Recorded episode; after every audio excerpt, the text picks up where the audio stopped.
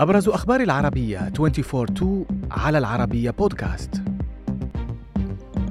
الكرملين يؤكد لقاء بريغوجين ببوتين بعد تمرد فاغنر شرط مفاجئ من أردوغان لقبول عضوية السويد بالناتو.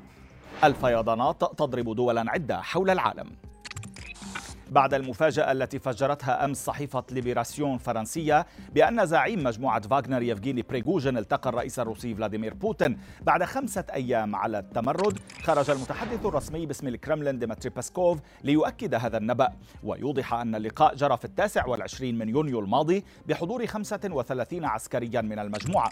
ووفقا لبيسكوف فقدم بوتين تقييمه لأعمال مجموعة فاغنر في الجبهة أثناء الدفاع العسكري. فيما أكد الحاضرون من فاغنر بمن فيهم بريغوجين ولاءهم المطلق لروسيا وبوتين وفق بيسكوف قبيل ساعات فقط من إنقاذ قمه من انعقاد قمة حلف شمال الأطلسي فاجأ الرئيس التركي رجب طيب أردوغان قادة الحلف بشرط غريب بعد أن أعلن أن بلاده ستدعم طلب السويد للانضمام إلى الناتو في حال بدأ الاتحاد الأوروبي بمفاوضات العضوية مع تركيا.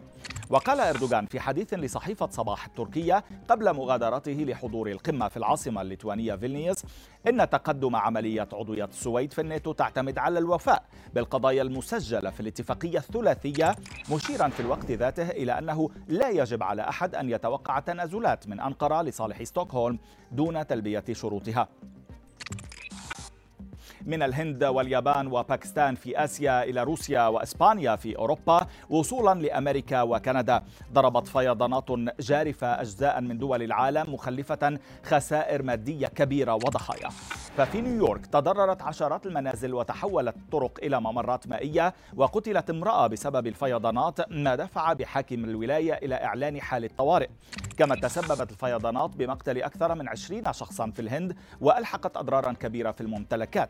وفي اليابان هطلت أمطار غزيرة جنوب غرب البلاد ما أدى إلى حدوث فيضانات أسفرت عن مقتل شخصين. وفي أوروبا تسببت الفيضانات بأضرار كبيرة في إقليم الباسك بإسبانيا وأيضا في منتجعات ومدينة سوتشي الروسية. في خبر غريب من الهند تخلت سلسلة مطاعم ماكدونالدز للوجبات السريعة هناك عن إضافة الطماطم إلى شطائر البرجر في كثير من المدن بسبب تأثرها بنقص الإمدادات والمخاوف المتعلقة بالجودة بعد ارتفاع أسعار الخضار إلى مستويات قياسية في البلاد.